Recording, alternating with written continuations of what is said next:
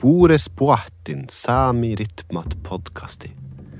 Velkommen til podkasten Samiske rytmer.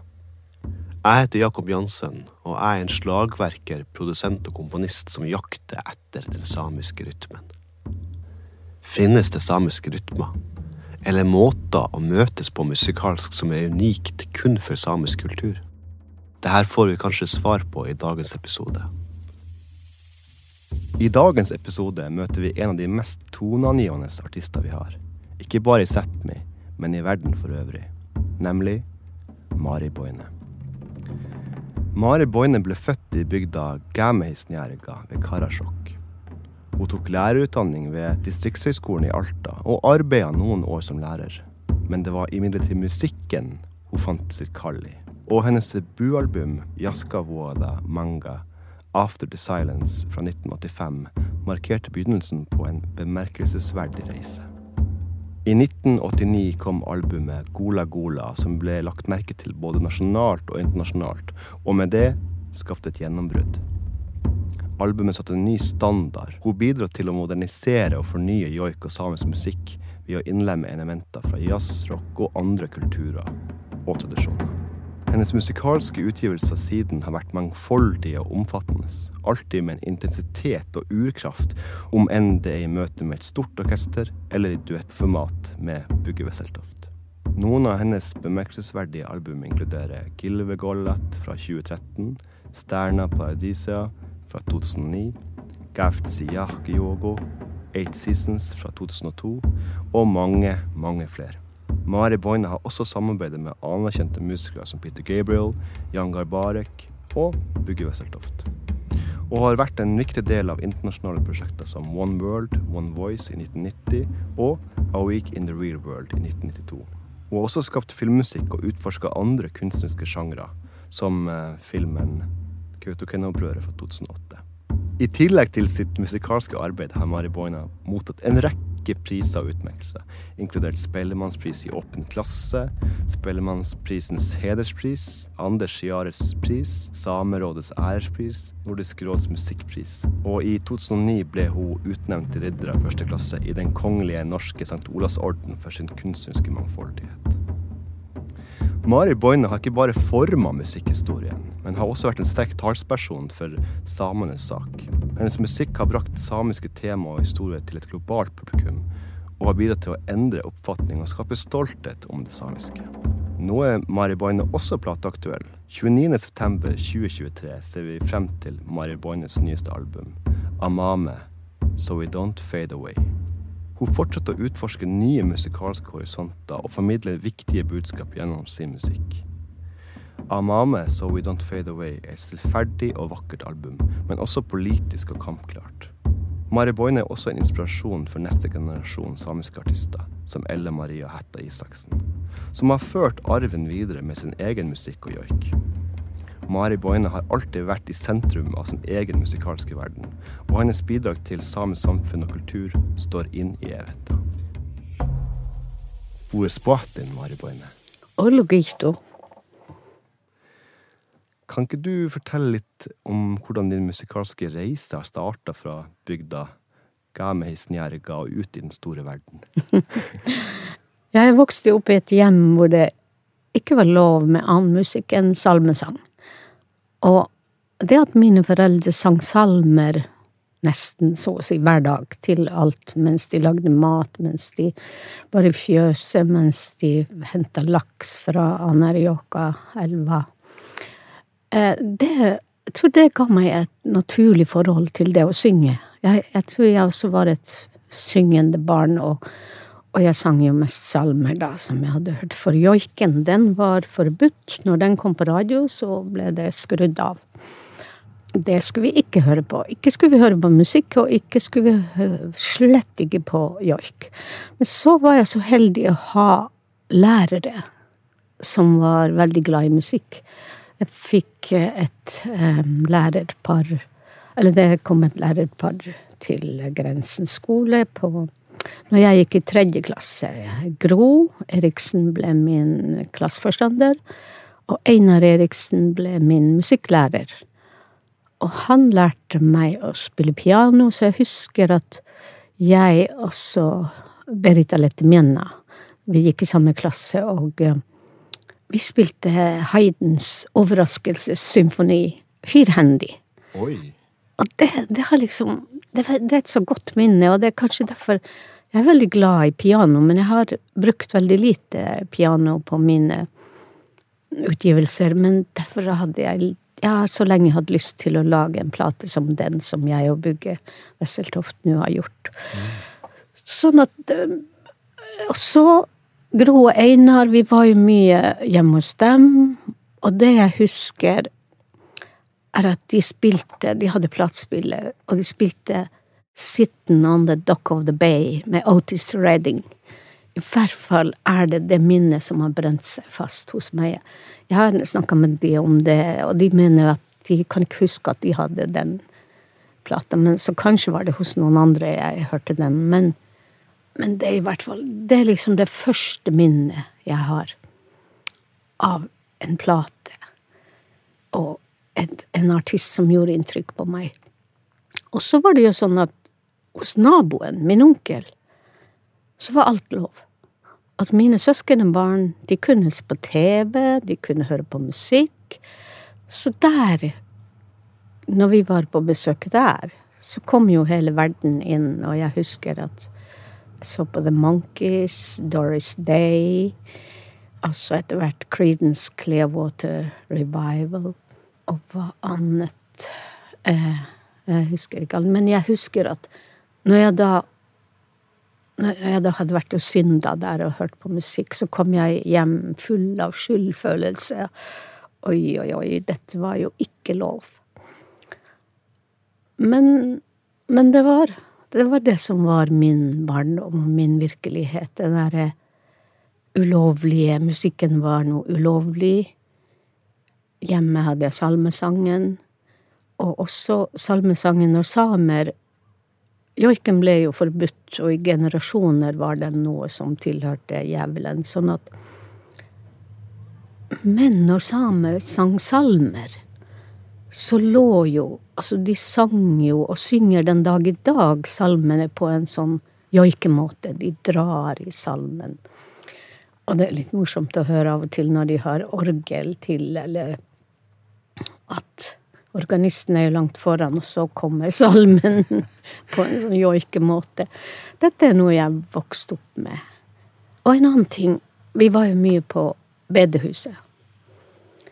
Og da var det sånn når alle prekenene var ferdige, for det foregikk på samisk og noen ganger også på finsk, og så begynte de å synge salme etter salme.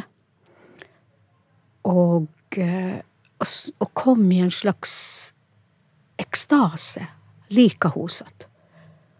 Og jeg elska det. Jeg har snakka med mange andre på min alder som også vokste opp med det. De syntes det var ubehagelig, så de gikk ut. Mens jeg syntes det var høydepunktet. Jeg elska det, og så, og så varte det i noen år. Og så begynte det å forsvinne, og det tror jeg var fordi at det kom antropologer og skulle studere det her fenomenet. Og plutselig var det borte, og jeg husker den tomheten jeg følte, det savnet. For min teori, jeg vet ikke om det stemmer, men jeg tror at det var rester av sjamanistiske ritualer. For denne Det at man kom i en slags transe, at man begynte å nærmest hoppe og danse og, og holde rundt hverandre og be hverandre om tilgivelse. Jeg syns det var så fint og så vakkert. Så har jeg mistanke om at når jeg nå gjør mine konserter, så er det sånn Det er den der eh, transefølelsen jeg vil skape. Jeg vil, jeg vil bevege publikum på samme måte som disse predikantene og, salme, og denne salmesangen. Den, den fikk i gang denne like hos at som rørelse, og at jeg ikke helt fornøyd med en konsert før jeg føler at det er en slags rørelse hos publikum. Jeg skulle nettopp inn på det her sporet i min samtale med deg i dag, tenkte jeg. Og det var liksom tema også om transe eller ekstase. Jeg vet ikke om du liker å bruke ordet transe, eller om du Jeg vet ikke, det er jo begge deler. For meg er det Det er jo det, er jo det samme, transe og ekstase. For meg, i hvert fall. I et intervju du har gjort med Arne Berg, så sier du at du er ikke fornøyd før alle i salen er i ekstase. Ja, og da, det har jeg sagt, og det tror jeg jeg, Av og til så må man jo studere seg sjøl utenfra og tenke hva, hva kommer alt dette av? Og jeg Jeg tror det er dette gode, denne gode følelsen fra bedehuset, som jo også var Det var mye som var strengt, men så, så den følelsen når det løsna opp, når, når folk gikk litt ut av den strenge formen og ble litt løsere og nærmest dansa og, og, og, og, sang ukontrollert, eller at de sa ting som man kunne se ikke var hodebasert, men det var De gikk inn i en slags Det som kalles å likhoset. At det er Det er et så fint minne for meg fra barndommen. At uh, og, og jeg opplever jo ofte når jeg har gjort konserter, og vi kommer Når vi har holdt på en og en halv time, to timer At det blir Folk kommer i en, en slags transe. Og, og, noen steder, kulturhus, operaen her, sier de det er, ikke, det er ikke mange som får publikum til å reise seg opp og danse. Jeg liker det når det skjer, og at det, da føler jeg at det er dette jeg vil. Jeg har jo hatt gleden og æren av å oppleve deg både som lytter og også som musiker. Og eh, det som sterke som jeg har opplevd med å akkompagnere deg, det har vært at den der krafta, den ekstasekrafta, den kommer fra deg. Og den er, den er utrolig sterk, og den er, den er så Det er som om du åpner en dør og at vi alle sammen, ikke bare publikum, men vi musikerne, vi kjenner den krafta som kommer. For meg var det ganske sånn sjokkbasert å oppleve det på scenen. At wow, du kunne kjenne at det, nå, nå, skal, nå skal hun opp. Nå skal hun gire opp. Har du tenkt på det sjøl, eller er det noe som Er det mulig å snakke om, på en måte? Um, jeg vet ikke. Altså, det er jo sånn Først Jeg begynte med pop og viser. Og det var ganske sånn kontrollert. Og så Og så satt vi og jobba sammen, jeg og Roger Ludvigsen og Josef Halse. Dette var før vi hadde ja. arrangert og jobba ut arrangementene for Gola Gola. Ja. En tone i uendelighetens favn. Ja. Vi jobba med den teaterforestillinga som vi fikk gjøre for Beivers. En tone i uendelighetens favn. Luhti Gomuvelas alas. Og da på Gola Gola så drev jeg og spilte på rytmen på gitaren. Så var det vel Josef eller Roger som sa at men Mari, kanskje du burde ha en tromme? Og, og det, det, hadde jeg ikke tenkt på, og det var da jeg fikk tak i en afrikansk tromme, for det var for tidlig for meg å ta en samisk tromme i bruk, for den hadde jeg eh, altfor stor respekt for, og, og, og så ante, ante, det meg at det samiske publikum var også like At det var et for langt skritt å gå og ta den inn. Så jeg brukte lenge en afrikansk tromme. Og da begynte det å skje noe eh, med musikken, og, og Gola Gola er jo i en den bygger jo på en gammel rytme som jeg tok fra en, en Faktisk fra joiken Madze, som jo er en femrytme. Og, og dette Jeg var jo ikke bevisst alt det her som jeg etterpå har skjønt. At nå bevegde jeg meg inn i den sjamanistiske rytmen.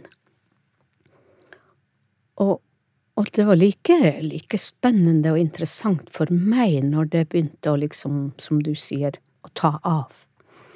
Og jeg husker En ting var jo at det tok av på scenen, men jeg husker første gang det samiske publikummet fulgte meg og ble med meg på en sånn Ok, nå flyr vi sammen. Det var i Almeiveggi i Mandalen, under Riddu, og da da gjorde jeg en konsert inne på det som var gymsalen, da.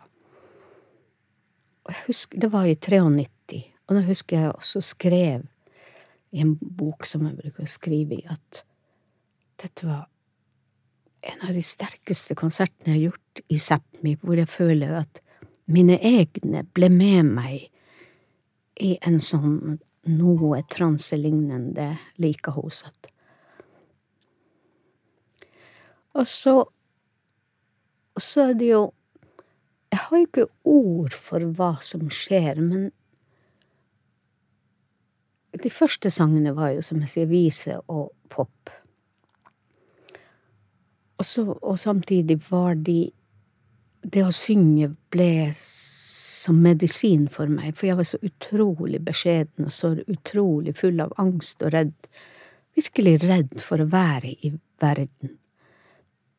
Uh, og når jeg da gikk inn i musikken, så var det som å få hele kroppen og systemet eh, fylt med en medisin og et lys.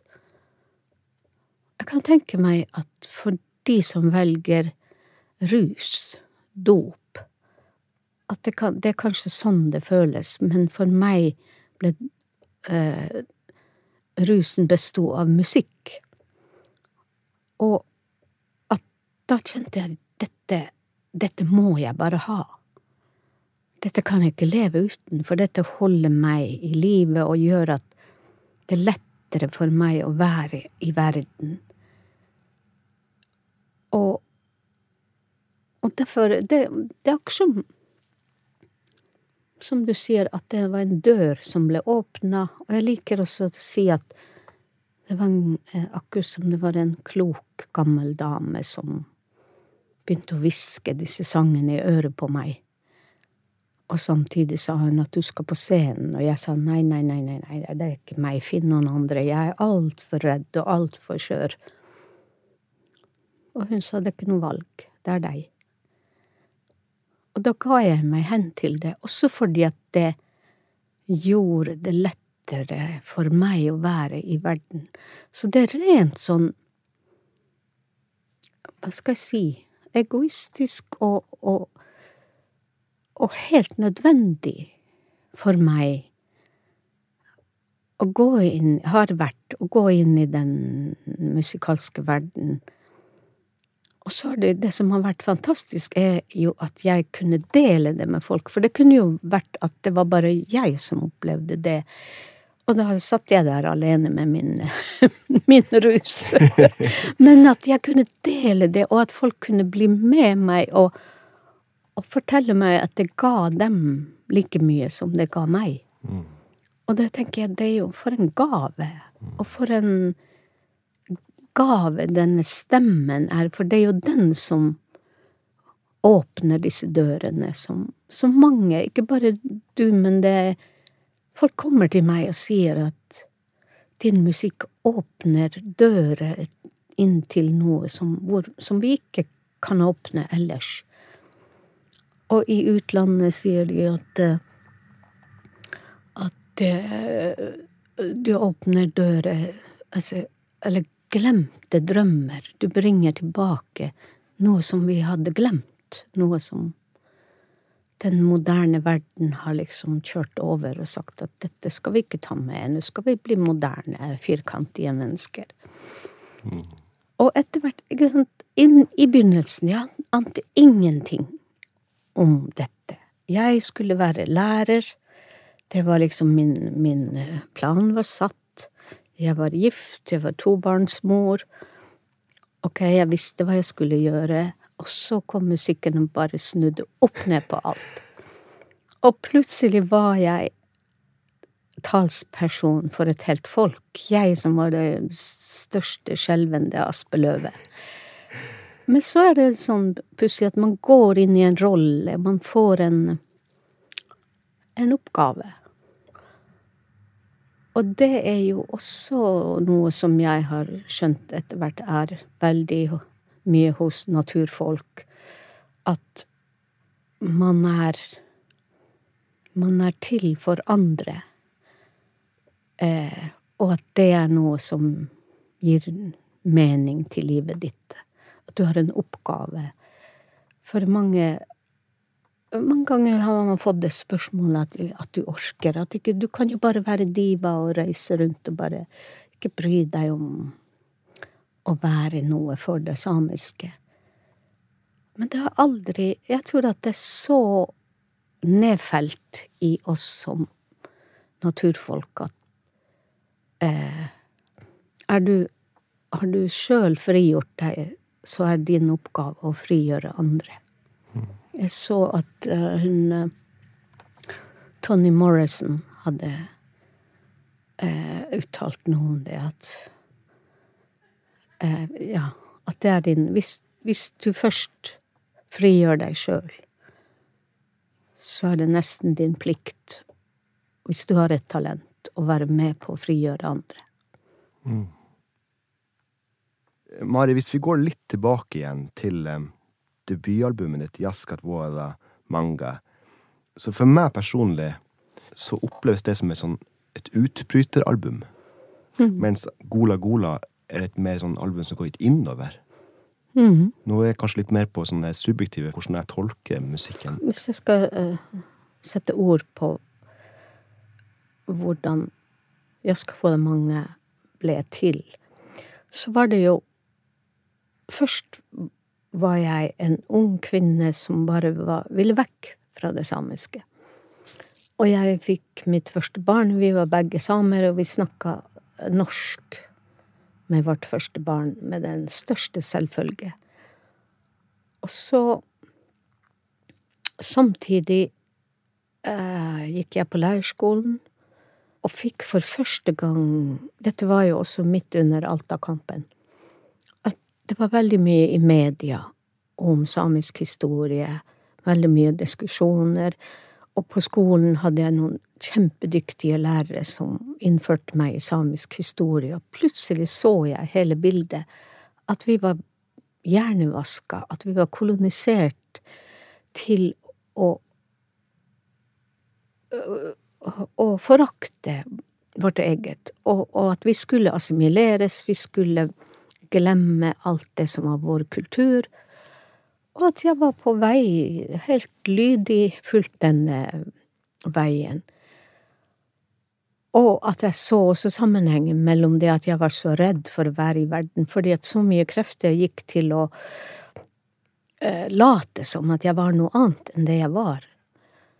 Plutselig begynte alle disse sangene å komme som, som jo ble en slags terapi og den første teksten jeg skrev, var jo til John Lennons Working Class Hero, hvor jeg skrev etter å ha lest et intervju med samtidskomponisten John Persen om hvordan det hadde vært for særlig sjøsamiske barn å, å, å møte den norske skolen, og hvordan man ble fortalt at nei, det du kommer fra er ingenting verdt, her skal du bare bli forma til noe annet og moderne.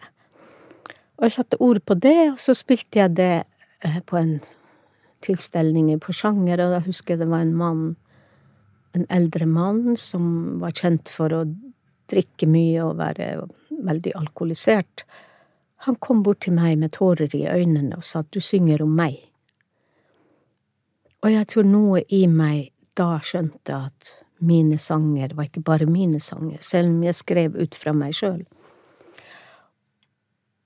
Sånn at det det var de sangene som ble til etter stillheten, fordi at jeg hadde vært så stille og redd inntil da, så hadde jeg lyst til å kalle dem for Etter stillheten, hvor jeg satte ord på min egen selvforakt, hvor jeg også hadde Alle herre Goken Oslo, som mm. var en, et skrik og en bønn til myndighetene om mer plass til det samiske i media. Sånn at det var Det var masse terapi, det var masse protest. Det var sånn jeg kom ut, og jeg ville kjempe for det samiske. Og så sa jeg til meg sjøl etter den plata at hvis jeg virkelig mener at det ikke bare er ord at jeg skal ta vare på det samiske, så må jeg lære, bli kjent med joiken. Jeg må se på hva er min kultur? Hva er det? Det, er ikke, det holder ikke bare å synge om det. Jeg må også bli kjent med det. Bli kjent med det som det som er den kulturen som de demoniserte, og som de sa vi ikke skulle ta med oss. Så sånn sett, derfor er Gola Gola det, det er sant som du sier, at der går jeg inn begynner å kjenne på hva er denne arven? Samtidig som jeg fortsetter med også politiske sanger, og sånn som Isha Tolmamo, som var en sånn hvor man har For her var det både fornorskninga, men det var også den religiøse sida med min strenge, pietistisk, fanatiske eh, far, som skulle definere og vi fortelle hvordan Eh, vi skulle leve, for han strevde hele livet for å få oss til å bli gode kristne, og aldri engang tenke på hva den samiske åndelige arven var, for det gjaldt å bli kristen. Og når jeg lagde Isha Tolmo, så var det sånn Jeg vil finne min vei, jeg vil ikke at noen skal fortelle meg at den arven som jeg var ment å ha, at den ikke er like bra som alt annet. Og at jeg var så rasende fordi at jeg måtte kjempe og diskutere med mine egne foreldre for at jeg skulle få tilgang til min kultur, fordi de hele tida sa at joiken må du ikke for all del ikke begynne å berøre den, for all del ikke noe trommer og neidevåter. Så når jeg lagde Isha Tolmo, som er på Gola Gola, så var det sånn Gå vekk med alle de reglene som Jeg vil ikke ha de, jeg vil finne min vei, jeg spør ingen. Nå vil jeg finne ut hva er denne arven som var så farlig. Mm at den ble demonisert. Og inni der fant jeg en fantastisk skatt. Virkelig. Blant annet den sjamanistiske rytmen. Mm. Kan vi snakke litt om, om det lydbildet ditt på, på, Gola Gola? På mange vis er jo det ikke bare en definerende for hva som kommer videre i dine album, men også det setter jo en helt ny standard på mange vis for mm. hvordan man opplever ikke bare samisk musikk, men det her begrepet verdensmusikk også. Mm. Hva tenker du sjøl om det? Jeg tenker for det første at jeg er veldig takknemlig for at Roger Ludvigsen og jeg var samtidig i Sápmi. For han betydde veldig, veldig mye for utforminga av, av det uttrykket som senere ble Mariboine-uttrykket. Fordi at han på en fantastisk måte. Han kjenner både til joiken og samtidig til mye av den vestlige musikken, til rocken, til popen, til jazzen. Eh, så jeg er utrolig glad for at at, at vi har jobba sammen. Og, så tok vi inn Tellef Kvifte. Eh, han var også betydde veldig mye under arrangeringa av av eh, låtene på Gola Gola. Så jeg tenkte for å bygge det huset, og for å bygge det uttrykket som senere ble Mariboine, så trengte jeg disse som kunne håndverket. For jeg er ikke utdanna musiker. Jeg hadde visjonene, jeg hadde retningen, jeg hadde det, den transearven. Og, og, sammen så, så, fant vi en retning for, for det som ble Mariboine-uttrykket. Fire år senere kommer eh, albumet Kvaskinvelja, som også er med oss, ikke bare skaper verdensberømmelse, men også befester din posisjon og, og din unike stemme. musikken og lydbildet var på mange måter definerende for et samisk sound. Kan du fortelle litt om, om Guaskinvelja og arbeidet med det albumet for din del? Ja, der var det igjen at vi Jeg føler hele tida at det er viktig at jeg, tar med At vi sammen lagde det uttrykket. Der var både Roger Ludvigsen, Helge Nordbakken, Gjermund Silseth. Men veldig, veldig mye var det Roger Ludvigsen og meg som Og så fikk vi også inn Carlos Samata Kispe for å få den eh, latinamerikanske biten inn. Vi var bare unge, kreative mennesker, og jeg og Roger, vi kom fra den samiske arven. Og det var det som ble Gola Gola, Gaskinvelja. Og jeg holdt hele tida fast på det her at vi må Det må ikke utvannes. Det er noe med den der transen som må tas vare på. Og den er jo der i noen av låtene, og den er der enda mer når vi spiller live. Mm, virkelig. Men det er det der møtepunktet mellom å finne det vestlige uttrykket og den sjamanistiske eh, transebiten. Det var, det var der vi drev og forska og søkte oss fram. Og det er noe med stemmen din som er med å løfte oss som publikum opp. Det opplever man spesielt hvis man, hvis man har sjansen til å oppleve deg live. Du har jo selvfølgelig joiken, og du har sangen, og du har også Jeg vet ikke hvordan du vil uttrykke det sjøl, men, men du, plutselig så er du en fugl, som flyr over oss og løfter oss opp og tar deg med med vingene dine. Jeg, jeg bruker å sleipe med at som ung så hadde jeg drømt jeg om å bli popstjerne, eller fotomodell, eller flyvertinne. Og alt, alle sånne vestlige ting. Men det jeg ikke visste, var at det var noen som eh, bestemte at nei, du skulle ikke bli vanlig popsanger, nei, du skal inn i lage noe helt spesielt, og så skal du også ikke være vanlig flyvertinne, men du kan, skal ta folk med på flyturer. ja. Og det er, jo, det er jo det som er gaven. Den, den, den gaven som stemmen min er. Og som jeg ikke har ord for. Som jeg tenker det er en arv fra en sjamanistisk bakgrunn. En som riktignok ble forbudt, men den overlevde. Gjennom salmesangen. Og, og det er en Hvis man studerer hva joik er Joiken, den beskriver ikke. Den er Du går inn i følelsen, og du er. Og det er det jeg har tatt med inn i en moderne form for musikk.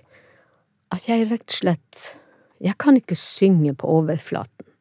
Jeg, jeg bare går inn i en sånn inderlighet som jo kommer både fra den sjamanistiske arven, men også fra salmesangen.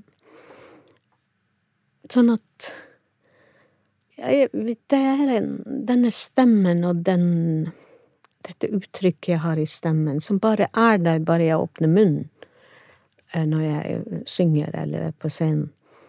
Det er en gave som jeg tenker Det er en arv som både er joikearven, men det er også en universell arv som tilhører alle mennesker, og vi har fått beholde den lenger. Naturfolk har fått beholde den lenger enn urbaniserte folk. Og, og derfor også når folk kommer til meg og sier men jeg skjønner ikke, du er samisk, og jeg, jeg kjenner så sterkt når du synger, så sier jeg men det er fordi at vi, dette er en universell arv, som er alles og som jeg er en av de som skal forvalte og ta vare på noe som ikke må bli borte. Som er en slags medisin som mennesket har hatt fra tidenes morgen. Og som noen har prøvd å kalle for djevelens musikk, fordi at de kunne ikke kontrollere det. Det er jo det det har handla om, ikke sant, all denne koloniseringa og misjoneringa. Man skulle kontrollere, samtidig skulle man få kontroll over naturressursene, landområdene. Dette er et ledd i det samme. Og så skulle man demonisere denne måten å synge på, for det gjør at liksom, denne måten å synge på får mennesket til å huske at vi er veldig knytta til naturen. Vi er ikke bare en, en eh, forbruker, en konsument som skal bare fylle meg sjøl med materialistiske ting. Eh, så jeg ser meg sjøl og min, min, stemme og mitt uttrykk som en som er med på å ta vare på noe som er universelt, og som er så livsviktig at ikke blir borte. Virkelig. Og for meg som lytter, så, så oppleves det kanskje i mangel av bedre ord, medisin, eller det har en eller annen effekt som er vanskelig å forklare. Men i, i den samme tematikken, har du noen gang opplevd det som farlig også? Den ekstasen? Altså, all, all åndelighet kan misbrukes. Og det er i all sin tid blitt gjort. Ikke sant? En som, en som har de evnene For det, i vår kultur er det jo sånn at noen har eh, mer tilgang og mer Tåler mer å befatte seg med de, de sterke kreftene. Og alt dette kan misbrukes, for du kan gå inn i en rolle som en guru og en som Det er lett å lede folk med Hvis du kan snakke til hjertene og berøre hjertene. Det er jo det reklamen handler om. det. De bruker jo de gamle, urgamle hemmelighetene for å fange folk. Og jeg mener sjøl at jeg har vært Fordi jeg sjøl har blitt bli kjent, det er ikke noe som bare plutselig oppsto. Det var noe som kom til meg gjennom vanskelige perioder i livet. Det er ikke noe du bare får tilgang til. Ikke sant? I stemmen min ligger det Det er veldig mye blues og melankoli, som det er i svart musikk. Ikke sant? Du har Det er fordi du har sett smerten i livet i hvitøyet. Og da lærer, lærer du også en ydmykhet. Sånn at jeg har aldri Ja, kanskje i vanskelige perioder, før jeg skjønte hva, hva jeg ble tatt med på. Så selvfølgelig har det vært perioder hvor jeg ikke visste opp og ned på ting. Og jeg prøvde å øh, spørre de gamle og de gamle var så skremt av eh, kristendommen, så det var ingen som kunne gi noe svar. Sånn at noen av oss må gå den veien alene, og jeg av og til sier at jeg er glad jeg har overlevd. Og, og jeg tenker også at jeg er takknemlig for at selv om man ikke har fysiske hjelpere, så i vår kultur så vet vi at vi har alltid noen som går ved vår side. Bare at det handler om å ikke bli høy på seg sjøl og få et stort ego, for da går de fra deg. Men det at du hele tida har en ydmykhet, og at du takker selv for de tøffe sidene ved det. Fordi du kan ha vært rasende og tenkt 'hvorfor skal jeg gjennom alt det her'? Jeg vil ikke. Og det, og, og, i vår kultur er det jo også sånn at de som ble valgt til visse ting, de, de ville jo helst ikke. De ville løpe fra det. Men, men, da hadde de noen som lærte de opp. Og det er noe jeg har savna, at noen kunne ha lært meg opp og fått meg til å skjønne hva er alt dette? For det er ikke bare sang. Men i begynnelsen trodde jeg det var bare sang. Og, og jeg husker en, en, når jeg spilte på Festspillen i Harstad i 88-89. Da var det flere sånne slipskledde menn som kom bort til meg og tok seg til brystet og sa 'Skjønner ikke når du synger, det er noe som rører seg inni her. Hva er det her?' Jeg sa kanskje det er det at du blir påminnet at du har et hjerte. og da kom det Da var det en dansk mann som kom bort til meg. Han hadde bodd masse år på Grønland hos, blant inuittene.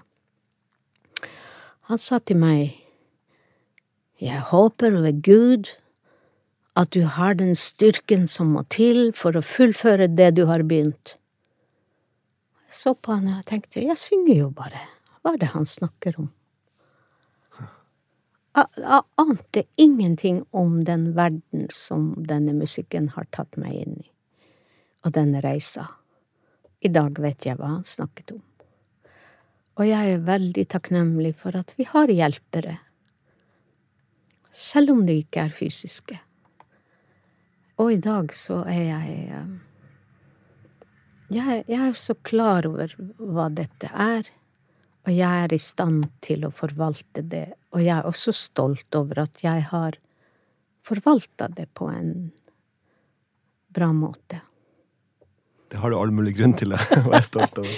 ja, og så, sånn at om jeg har vært redd i, i noen perioder fordi at jeg ikke visste opp og ned på hva som skjedde. Men ikke Men det er akkurat som um, at at det var noen hjelpere der. Mm. Som likevel hjalp meg til å skjønne. Tilbake til transen, Mari. Har transen noe med rytmen å gjøre i musikken din? Og vi så hvordan Kan du forklare det på en måte? Det er jo det der vanskelige spørsmålet. Hvordan forklare transe? Hvordan forklare mennesket? Hvordan forklare hjerterytmen? Hvordan forklare, som Nils Aslak Valkeapää sier, å spørre vinden om hvorfor den blåser, hvorfor elvene renner. Det moderne mennesket vil forklare alt, og det er ikke alt som har en forklaring. Jeg tenker sånn at um, den sjamanistiske transerytmen er forbundet med hjerterytmen. Og det er den vi, når vi er inni magen til mora vår, inni, inni livmora, og vi hører hjerterytmen hennes, så tror jeg det er sånn, det er det tryggeste stedet å være.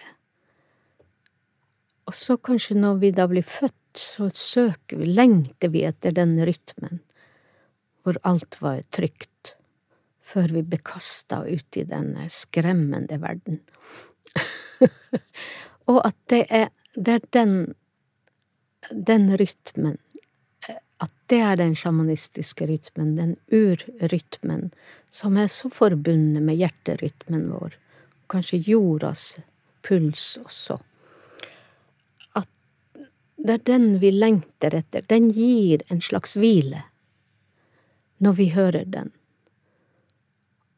Og, og hvis vi er bare hodebaserte, så blir vi jo redd den rytmen. For jeg husker fra Gola Gola kom ut, så var det en eh, anmelder som var kjent for å være en Jeg tror hun het Gerd Johannessen, eller Johansen. Hun var kjent for å være veldig å slakte plater. Hun slakta Gola Gola. Hun skrev hva er det her for noe, ikke synger hun reint, og, og hun repeterer og repeterer og repeterer. Og så når du tror det er slutt, så repeterer hun igjen! oi, oi, oi. Oi, oi. Det var jo litt sånn Det var et sjokk å få den anmeldelsen. Men det var da jeg Jeg visste jo ikke da om den sjamanistiske rytmen, om den monotonien, om den repetitive, som jo er knytta til den sjamanistiske rytmen, hjerterytmen. Og mange hadde vansker med min musikk og sa at nei, det er jo bare repetisjoner, det er jo bare Og hvis du bare prøver å høre på denne typen musikk med hodet, så har det ingenting å gi deg. Denne musikken snakker til en del av deg hvor du må skru av hodet. Og så begynner du å oppdage wow, jeg har jo andre ting i meg enn bare hodet. Og det er da det spennende begynner å skje. Ja. Det er ingenting overfladisk hos Mari Boine. det er rett, rett, inn i kjernen. Ja. ja. det er det. Hva tenker du liksom om den her rytmen, eller den forståelsen av puls eller rytme, fra den her transekstatiske følelsen kontra storsamfunnet og dens rytme? Det er jo der jeg ser at vi i 40 40-50 år har prøvd å formidle hva er vår naturfolks måte å tenke på, og hvordan vi er så uløselig knytta til natur og land og fjell og elver og og og, det, og, for den moderne verden, for storsamfunnet som er så modernisert og hodebasert, så høres det ut som bare noe gammeldags overtro som vi jo vil glemme. Men da tenker jeg, ok, se på hva som har skjedd med naturen verden over. Hva sier eh, klimarapportene? Vi holder på å rasere alt holder på å gå utfor stupet. Altså, vi ser på alle, alle flommene, flommene, alt det Alt det som skjer, som er voldsomme naturkrefter og naturødeleggelser, og hvordan været av og til går helt berserk og det er naturen som prøver å si at nå nå er, er er, det, noe som er galt. Nå, må dere stoppe opp og tenke. Og da tenker jeg at noen Det ser ut som at noen vil bare fortsette det løpet. Vi vil, vi vil bare ha mer og mer og mer og mer. Og, og, og det forbruket som er Til det må vi ha fire-fem kloder, og vi har bare én. Og så er det sånn, nå er naturen rasert. Store deler av verden er, er det forgifta og rasert, og vi har fylt havene med plast, og det er så mye som er feil. Og så har vi den siste villmark, eller hvor ikke alt enda er rasert. Det er i nord. Her. Så er det akkurat som de kreftene sier, ja, men Hvorfor skal dere få beholde ren natur? Vi har jo rasert alt. Vi må rasere der oppe òg. Vi må få lov å ødelegge der òg. For jeg mener at det å fylle verden med vindmøller og i reindriftsområder i en, og forstyrre en, en næring som er bærekraftig, som er på den gamle Hvor det er mye gammel visdom. Eh, Altså, det er noe fryktelig sørgelig.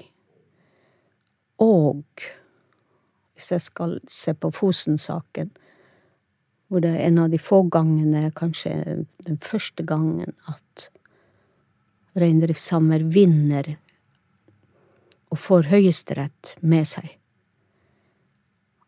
Og så lever man myndighetene her som om ingenting har skjedd. Da blir det sånn men hvis ikke en høyesterettsdom tas på alvor, da vil ingenting, da vil vår kultur bli helt Det vil bli rasert vekk. Og, og inni meg er det, etter den derre Etter at våre fantastiske ungdommer demonstrerte i mars og jeg så hvordan myndighetene arrogant bare neglisjerer høyesterettsdommen og hva de prøver å formidle de ungdommene, så er det en enorm sorg inni meg. Og det tror jeg er verden over hos naturfolk. For det er jo på denne måten naturfolk er blitt overkjørt overalt. Og det, det er selvfølgelig sånn at i Norge har vi det materielt bra. Vi får lov å ha vår kultur, vi har kofta Vi har kofta, vi har det ytre, vi har Vi har det bra materielt. Men det er faktisk noe mer. Vår, vår, vårt språk, vår musikk Det er så knytta til naturen, til landet, at eh, At det blir bare et tomt skall. Hvis ikke det skal knyttes til eh, noe som har med naturen å gjøre. Eh, så, men, men det som hvordan formidle dette, det, det vet jeg ikke. Jeg, jeg må innimellom passe på at ikke mm, desillusjonismen overtar. Og der er, jeg må bare lage musikk og lage musikk og lage Det er derfor der Amame kommer inn som en sånn Den er lagd som en trøste. Det er mer sånne hvilesteder, meditative, hvor ikke den sjamanistiske rytmen er så framtredende, men det er mer stemmen min i kombinasjon med noe vestlig som, som pianoet er. Jeg tenker at det er, det er så mye kaos og uro at vi trenger noen hvilesteder. Og det er sånn jeg har tenkt disse sangene. Det er et nydelig samarbeid mellom deg og Bugge Wesseltoft. Og dere har jo samarbeidet før på eh, Gafsi ja. Jakejo ja, produsert han. Mm -hmm. Ja, som også var et sånn spennende ny steg i ditt virke. Og det her er jo enda et nytt steg, og et enda et spennende steg, der, der virkelig stemmen din får skinne. Den får plass, og vi får virkelig høre liksom nært og inderlig alle dens fasetter og den inderlighet som treffer oss. Så det er ganske sånn rå, men også veldig vakkert og nært samtidig. Jeg vet ikke du, hva du har tenkt på i forbindelse med det samarbeidet, men for min del så får jeg en sånn utrolig inderlighet og vakkerhet, samtidig som den er utrolig sterk politisk. Og det å høre Elle i duettform, mm. Eh, det er virkelig kruttsterkt. Eh. Jeg tenker at jeg tror jeg viser sårbarheten mye mer enn jeg har gjort. Jeg hadde den veldig til stede på de første platene mine, på mange, på Guaskinvelja. Der var, der var den der sårbarheten. Det var transparent, det var ikke så pakka inn i mye instrumenter. Og det var ikke For joiken er jo Den er veldig sterk, og den er Det er ikke alltid det, den måten jeg har joikesunget på, er at det har vært plass til sårbarheten og nærheten. Og her på Amame så så gir jeg rom til det, det, det sårbare og det skjøre, som jo er den situasjonen vi er i, og som alle som bryr seg om naturen Vi kjenner på den, den skjøre skjørheten, og at det er noe som kan gå i stykker. Mm. Ollo, ollo, gito, mari. Ja. Gito, hunje. Tällä no soma. Kodan hoppa meg samigel. Ja, mofeten hoppa. Tusen takk for at du har lytta på. Musikken som har blitt nevnt i denne episoden, ligger i en spilleliste, og linken til den finner du på Instagram-kontoen Sami Ritmat, samiske rytmer. Hvis du har innspill til podkasten eller ønsker å komme i kontakt med meg, så kan du nå meg via Instagram på samirytmat, samisk samiske rytmer, eller via e-post til jakobjansson at gmail.com.